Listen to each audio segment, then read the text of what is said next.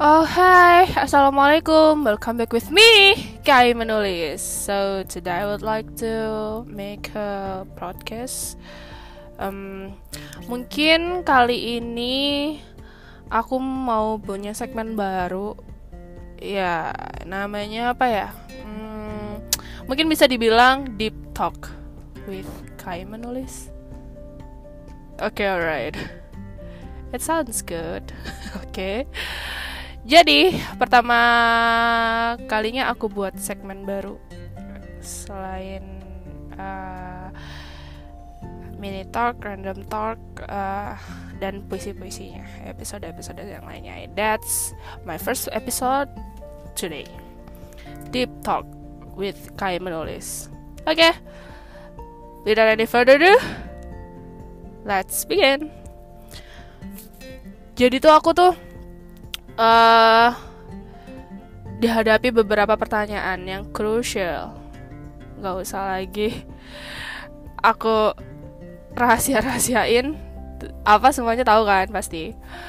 Yang berawalan dengan kata kapan. Weh. Ini tuh kata kapan itu sebenarnya momok banget bagi uh, kita-kita yang ya Tau lah. Jadi kata kapan ini sangat momok bagi kita. Teenage life problem. I mean. Jadi tuh nggak juga sih nggak juga teenage life problem sih. Lebih ke teenage and mature life problem. Oke. Okay.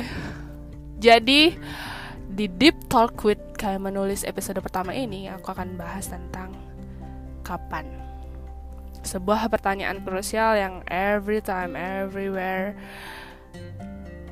every single time maybe, or every day, I have been heard that question. Jadi tuh kok banyak jadi tuh ya, ih kok jadi medok. Ah, maklum lah ya, baru satu tengah tahun aku di sini ya. Mm -mm. Oke. Okay skip. Jadi tuh kan jadi lagi. Jadi aku mau bahas tentang kapan? Pertanyaan krusial. Um, menurutku uh, itu pertanyaan yang bagus. Tapi lihat kondisi.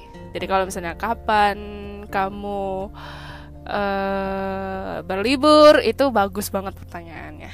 Dan itu pasti ada jawabannya tapi kalau konteksnya atau kondisinya kita ganti sama kapan kamu kelar kuliah? Ya, tiba-tiba langsung seketika langsung nge-freeze, diem, mau ngomong cuman gak keucap. That's the problem. Kalau kita ganti lagi nih konteksnya atau kondisinya ke kapan kamu nikah? nggak ada jawabannya pasti. Dan semua tuh pasti bilang iya doain aja secepatnya. Gitu kan pasti semuanya pasti kayak gitu. Dan aku pun mengalami seperti itu. Kemudian jika kita sudah ganti konteksnya ke kondisi yang kita udah menikah kemudian kita reuni atau kita datang ke hajatan keluarga pasti ada dong terbesit di pertanyaan kapan sih mau punya momongan gitu kan. Nah dulu sih kayak iya doain aja ya secepatnya. That's the answer quickly answer. That we we have been answered asked for. Jadi kayak uh, itu sebuah pertanyaan yang emang uh, bisa dibilang krusial. Dan bisa dibilang itu adalah pertanyaan uh, pertanyaan yang uh, turun menurun mungkin ya yang emang emang itu udah adatnya kayaknya gitu. Ini menurutku ya. Jadi tuh kita punya pertanyaan yang lain sebenarnya. Nggak harus misalnya kata kalau kita ketemu itu sama keluarga atau teman atau apa itu nggak seharus ditanyakan dengan kapan orang kita punya lima kan apa, mengapa, siapa, kapan dan bagaimana. Tapi kok kayak kapan ini selalu digunakan gitu. Gitu loh kan kasihan loh nanti siapa mengapa uh, di mana dan bagaimananya dicuekin gitu kan. Ya tapi ya itulah. Ya itulah. Namanya juga ya namanya juga pertanyaan ya kan. Tapi kata kalau kata Nikti sih nggak semua pertanyaan terjawabnya sekarang. Weh. nanti kita cerita tentang hari ini. Itu NKCTHI. Oke, bahas tentang itu uh, sejujurnya gue nggak nggak nggak pernah merasa terbebani ya dengan pertanyaan krusial yang seperti itu. Kapan kamu nikah kapan kamu kelar kuliahnya, kapan kamu wisuda, kapan kamu punya anak, kapan kamu punya cucu. Sebenarnya kalau aku sih mendek me pertama kali aku mendapati pertanyaan seperti itu tuh rasanya kayak beban banget. Beban, tapi lebih kalau sekarang nih makin ke sini tuh makin kayak ya udah sih gitu. Itu cuma pertanyaan aja gitu ya buat saya enjoy mungkin lah diri kamu gitu. Um, contoh nih nggak jauh-jauh sih kalau kita mau belajar nih nggak usah jauh-jauh nggak usah ke sana kemari nggak usah jauh-jauh cukup di inner circle inner circle. Udah tuh gue sampai tipu gue sampai susah banget mau ngomong. Cukup di inner circle kita atau aja kalau mau uh, belajar hidup mengetahui uh, kerasnya kehidupan atau apa gitulah pokoknya. Itu cukup di inner circle kita aja. Contohnya gue nggak jauh-jauh nih ini ini ini ini keluarga gue ya. Maksud dalam artian gue uh, ini dalam pandangan keluarga gue dalam pandangan gue jadi ketika gue dihadapi dengan pertanyaan eh kamu ngelanjut S2 ya Iya, aku lanjut S2.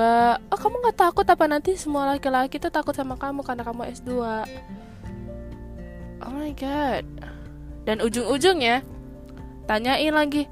Terus kalau kamu S2, kamu kapan nikahnya? Boom. That's the crucial question. Pada saat itu aku bingung mau jawabnya apa. Cuma bisa senyum doang dan menjelaskan bahwa apa sih alasan aku harus S2 karena aku mau seperti ayahku yang dosen. Uh, profesinya dosen. Dan waktu itu aku belum bisa jawab kapan aku mau nikah gitu. Tapi setelah kedua kalinya kita ketemu lagi sama keluarga kita entah itu mau dihajatan entah itu mau reunian arisan atau apa pun itu aku sudah menemukan jawaban yang tepat tapi ini versiku ya. Kalau versi kalian ya terserah gitu. Karena kan kita sama orang tuh nggak bisa sama. Beda-beda lah pastinya. Dan akhirnya tuh aku pada saat itu aku ditanyain lagi nih. Kok kamu nggak kelihatan ya? Kok kamu nggak kamu nggak punya pacar ya? Kamu kok eh warning tahu kalau dari umur sekian belum punya pacar. Terus kamu kapan nikahnya dan kembali lagi, pertanyaan kapan nikah selalu ditanyakan. Nah, jadi aku pada saat itu jawabnya. Oke, tunggu aja waktunya sambil candaan nih. Oke, tunggu aja waktunya ya. Uh, kalau nggak Jumat, Sabtu, Minggu acaranya. Nanti tenang kok, tetap diundang. Dapat juga baju seragam juga dapat kok, tenang aja. Sekarang itu aku tuh lagi mau fokus ke satu hal yang harus aku selesaikan dalam waktu dekat. Jadi kalau misalnya itu udah selesai, insya Allah rencana selanjutnya atau plan selanjutnya akan aku kerjakan. Boom! mereka langsung diem dan mereka langsung merendam. Entah itu besok entah itu lusa mereka nggak nggak nanyain lagi tentang kapan kau nikah? Kapan kau nikah? gitu kan. Jadi that's the answer. Dan itu kalau di aku itu ngefek banget. Karena mereka jadi stop nggak nanya-nanyain kapan nikah lagi gitu.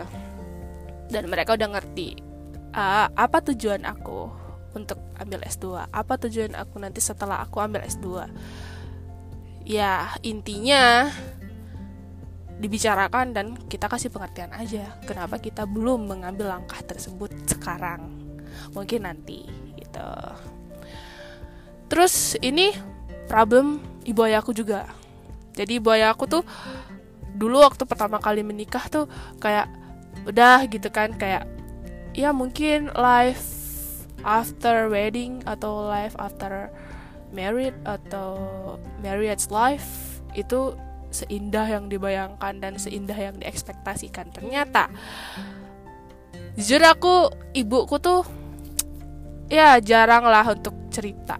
Tapi karena aku sekarang udah gede aku juga udah dewasa sekarang dan aku juga ingin masuk ke ranah yang lebih serius lagi gitu ibu aku pernah cerita bahwa kehidupan setelah menikah itu indah tapi akan banyak ujian di dalamnya. Bohong banget kalau di rumah tangga nggak ada yang namanya berantem baku hantam masalah kecil maupun besar tuh nggak. Itu itu kalau mulus banget dan ya ampun kayak didongeng-dongeng ceritanya it's impossible. Itu mustahil banget. Ibu aku loh yang bilang dan papaku uh, dan ibu aku dan ayahku juga yang bilang. Um, dan terjadi lagi gitu. Setelah ibuku menikah dan ayahku menikah itu nggak lama nggak lama misalnya kita reunian atau ada hajatan di keluarga pasti ditanyain kapan sih kamu mau punya momongan? Gitu ya jujur ibuku mendapatkan aku tuh 4 tahun. Kurang lebih lamanya 4 tahun. Itu bener-bener wah. Terus ditanyain terus tahun berjalan ditanyain terus kapan. Kok belum punya gitu. Dua tahun kok belum punya. Akhirnya usaha lah ibu bapakku tuh usaha ibu ayahku usaha banget. Usaha banget getol banget buat dapetin aku. Which is yang kalau misalnya ya tahu ya usaha orang tua biar punya momongan seperti apa. Jadi uh, begitu udah punya aku ya ditanya lagi kapan mau punya adiknya? Tuh kayaknya emang pertanyaan kapan itu emang kayak membabi buta banget ya kalau misalnya orang-orang ya. Dan mereka pernah nggak sih memikirkan bagaimana perasaan orang yang ditanya gitu mikirin jawabannya aja tuh kayak muter balik gimana gitu. Otaknya tuh diputar balik putar balik tuh belok kanan belok kiri atas bawah gitu. So stop. Stop ask for anything else that makes people suck. Orang itu nggak sama satu la satu sama lain orang nggak orang orang itu punya punya apa ya kayak nggak sama pokoknya sat, satu orang ini sama orang itu tuh nggak beda nggak sama beda. Nggak satu pemikiran maksudku. Kayak jadi ada orang yang kalau misalnya orang ditanya itu dengan guyo uh, dia menangkapnya dengan guyonan gitu kan. Kayak aku contohnya misalnya kamu kapan kan nikah? Oh kalau nggak cuma sabtu minggu lah gitu. Gitu kan. Aku orangnya seperti itu tipe-tipe yang guyonan. Tapi kalau misalnya orang yang serius misalnya gitu kan dengan seriusnya dia wah merasa terbebani banget gitu kayak aduh semuanya dipikirin gitu. Jadi kan kayak gimana gitu uh, uh, akhirnya stres. Ya kalau sudah stres udah gimana ya gimana juga. Tong leha mau kita punya anak mau kita mau apa gitu. Apa yang kita lakukan itu akan terhambat kalau kita stres kepikiran yang berujung depresi karena selalu dicecar pertanyaan krusial itu kalau orang-orangnya serius. Dan orang-orang yang sangat berperasaan. Tapi kalau misalnya kamu nanya sama orang yang kayak ya dianggap guyon lah gitu kan ya yeah, it's okay. That's only questions. I don't care. Just question right? Gitu kan. Ada orang yang kayak gitu ada. Dan dia emang nggak nggak ya ya udah dia stance aja gitu dengan pertanyaan seperti itu ya udah sih orang juga nanya doang kan nggak yang harus menuntut ya kan gitu ada tuh orang pemikiran seperti itu nah makanya kamu si penanya harus tahu dan bisa membedakan mana orang yang lebih berperasaan, mana orang yang lebih sense dalam menghadapi pertanyaan tersebut. Ini sangat jadi momok loh pertanyaan. Kapan? Entah tuh apa-apa tuh orang pasti ekspresinya langsung kayak gitu. Belum apa-apa. Padahal orang cuma mau nanya kap kapan kalian berlibur. Misalnya gitu kan contohnya kan. Tapi udah kata kapan orang udah mikirin jawabannya dari dari dari A sampai Z gitu. Nah, sebenarnya kalau nikah itu bukan tentang cepat atau lambatnya sih menurutku, tapi tentang gimana kesiapan mental, mental healthnya. Setelah menikah. Like I said before, uh, life after marriage. That's maybe that's yeah that sounds like good kalau aku bilang itu. Nah jadi gimana kita gimana cara kita buat uh, menjalani kehidupan setelah menikah itu? Jadi bukan wah uh, nikah nih mumpung aku uh, umurnya sekian biar aku sama anak aku kayak temenan nikah deh. Akhirnya setelah menikah bentrok baku hantam dan kita nggak bisa yang namanya uh, ngalah satu sama lain. That's a beautiful married if it is right you are suck you crazy. And you on depressed oke okay? you under pressure. Jadi kalau misalnya itu yang kalian definisikan nikah itu itu kayak kayak duh salah deh gitu. Karena nikah itu ibadah. Siapa sih yang nggak mau nikah nikah tuh pasti semua orang mau lah. Wah kalau gue mah kalau jodohnya dateng mah ya udah besok subuh besok subuh gue nikah. Tapi kan kembali lagi gitu. Tuhan kita itu lebih tahu kesiapan kita se seberapa besar persiapan kita diri kita sendiri itu seberapa besar. Tuhan kita tahu dan Tuhan kita itu lebih mengerti umatnya gitu. Dan dan bagi lo, lo di sana tuh janganlah kayak ah kenapa ya? Aku kok umur sekian belum nikah ya? Sedangkan teman-temanku udah udah uh, satu persatu udah lanjut hidupnya dengan jodohnya masing-masing gitu. Jangan ditanyain. Jangan ditanyain. Rezeki maut jodoh itu di tangan Tuhan.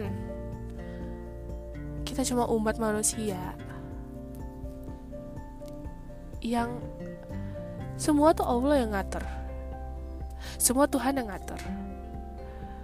Kita cuma umatnya. Kita cuma umatnya yang menjalankan apa perintahnya dan menjauhkan larangannya. Itu doang sih. Jadi kalau misalnya ngelihat temen udah datang jodohnya tuh ya udah disupport gitu. Kayak ya udah lo semangat ya. Uh, kehidupan lo setelah ini nggak semulus yang akan lo bayangkan yang nggak semulus yang lo ekspektasikan. Stay cool stay strong. Semoga dapat omongan udah gitu doang. Support. Just support them. Dan nggak lupa juga kita kita nggak lupa juga mendoakan diri kita sendiri gitu. Tapi jangan ditanyain jangan ditanyain kenapa. Jangan ditanyain kok bisa. Umur sekian aku belum dapat jodoh. Ada jodoh lo udah ditulis di lauh mahfuz. Cuman ketika jodoh lo ke sini tuh agak lama tuh itu urusan Allah dan cuma Allah yang tahu kenapa gitu. Dan satu lagi kita harus apa ya harus menyadari bahwa diri diri kita sendiri tuh uh, seperti apa dan bagaimana. Kalau kita cuma diem doang dan kita nggak apa ya kita nggak berusaha untuk mencari minimal kita punya teman lah gitu. Dan itu mustahil juga jatuhnya mustahil juga. Allah mau ngasih jodoh gitu. Atau Tuhan mau ngasih jodoh gitu yang penting itu adalah kita ikhtiar kita usaha dulu kita berdoa. Dan yang terakhir apa? Tawakal. Terima akan semua hasil yang sudah Allah berikan padamu atau terima semua hasil yang Tuhan berikan padamu. Dan jujur rencana Tuhan atau Allah itu lebih lebih indah lebih lebih istilah kata lain tuh lebih lebih terencana ketimbang kita yang punya rencana. Oke kita maunya uh, umur aku sekian aku mau nikah. Oke sekarang udah berapa? Oh udah lewat. Oh target aku udah lewat. Targetin lagi. Nggak gitu. Jadi balik lagi ke pertanyaan kapan nikah, kapan punya anak, kapan, kapan dan kapan. Coba deh. Coba deh sebelum bertanya, sebelum kita menanyakan, itu dipikirkan dulu. Seperti apa nanti mental health-nya seseorang itu setelah kita tanyakan pertanyaan seperti itu. Apakah mereka menerima? Kalau mereka menerima, oke. Okay. That's good. That's good question. Karena mereka yang ya ya juga sih. Gue kenapa ya gue uh, gue gue uh, kenapa gue harus bawa perasaan? Kan itu kan cuma pertanyaan doang. Nah tapi kalau misalnya orangnya yang berperasaan dan orangnya itu uh, dibawa berlarut sampai dia kepikiran kemudian dia stres kemudian dia nggak bisa mengkontrol uh, emosi, kemudian dia menjadi depresi, dan dia menjadi sakit. Kita loh yang tanggung jawab, karena kita yang menanyakan hal itu kepada dia. Karena aku udah bilang, orang itu nggak bisa kita samakan pemikirannya sama kita. Orang masing-masing punya pemikirannya masing-masing, punya pandangannya masing-masing, punya paradigma pikirannya masing-masing, nggak bisa kita samakan. Maka dari itu, nih, aku kasih tahu bahwa gak semua orang bisa menerima sebuah pertanyaan. Yang mungkin kita rasa itu sangat sepele dan kita cuma gue gue kan cuma nanya doang.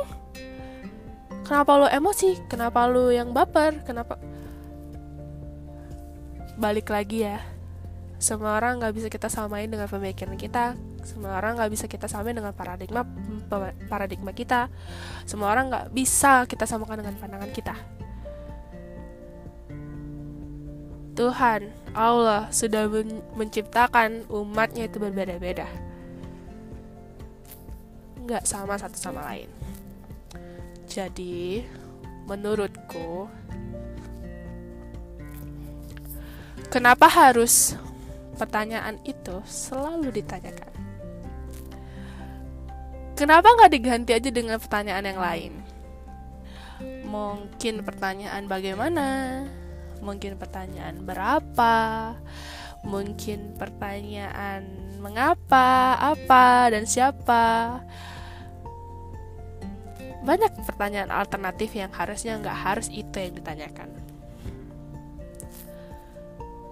Dan kembali lagi kita yang si penerima pertanyaan juga harus bisa pintar-pintar memilih kata-kata yang memang benar-benar meyakinkan mereka bahwa sebenarnya aku tuh lagi ini loh gitu.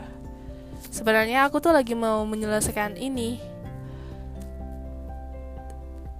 sebenarnya aku tuh nggak bisa dua hal sekaligus sejalan gitu kita yang kita yang mau menjawab ini juga harus punya uh, punya keberanian untuk meyakinkan mereka bahwa kita itu sebenarnya lagi fokus ke sini. Atau aku tuh nggak bisa dua hal sekaligus sejalan tuh nggak bisa. Takutnya nanti ada satu dan lain hal ketinggalan atau ada satu dan lain hal keteteran gitu. Jadi guys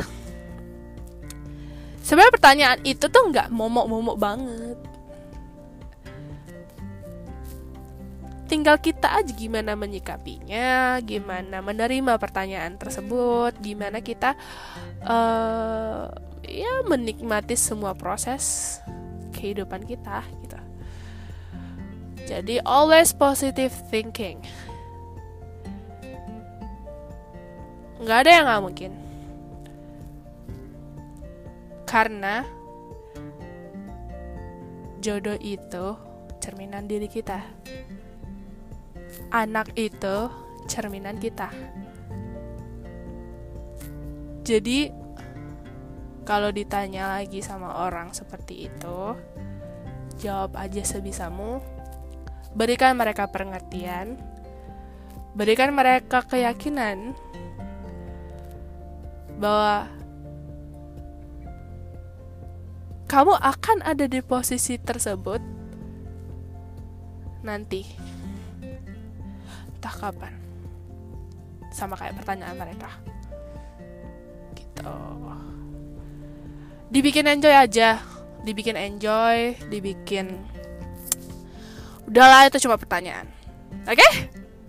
so at the end I just wanna show you if nothing impossible but there is something possible or not possible or impossible. Uh, itu cuma berapa kok yang nggak mungkin?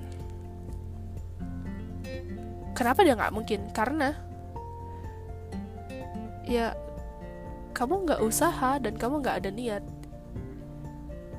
Makanya makanya bisa dibilang impossible. Impossible. That's possible. Kalau kamu udah ada effort udah ada niat that's possible. Dan satu lagi enjoy the process. Suatu saat nanti kamu mau gak mau pasti akan ada di posisi tersebut. Jadi nikmatin aja jangan ditanyakan. Ya udah nikmatin aja usaha doa tawakal. Karena Tuhan dan Tuhan atau Allah itu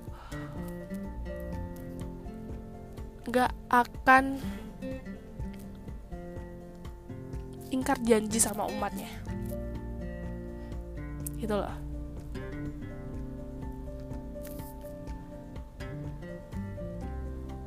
dia itu kalau kita emang benar-benar niat doa usaha dan kita akhir itu akhirnya kita tawakal dia ngerti apa mau umatnya. Itulah jadi jangan takut lagi sama pertanyaan tersebut. Pertanyaan krusial yang kalau kata NK NKCTHI bilang nggak semua jawaban harus dijawab sekarang Oke? Okay? Jadi buat teman-teman aku yang di sana, kalau yang ditanyain itu udah dibikin goyan aja pertanyaannya dan jawabnya juga dibikin goyan aja biar nggak terlalu ya nggak terlalu baper lah so Thank you for listening my podcast today on my first episode with Deep Talk with Kai Menulis. First episode. So um Wassalamualaikum warahmatullahi wabarakatuh. Goodbye.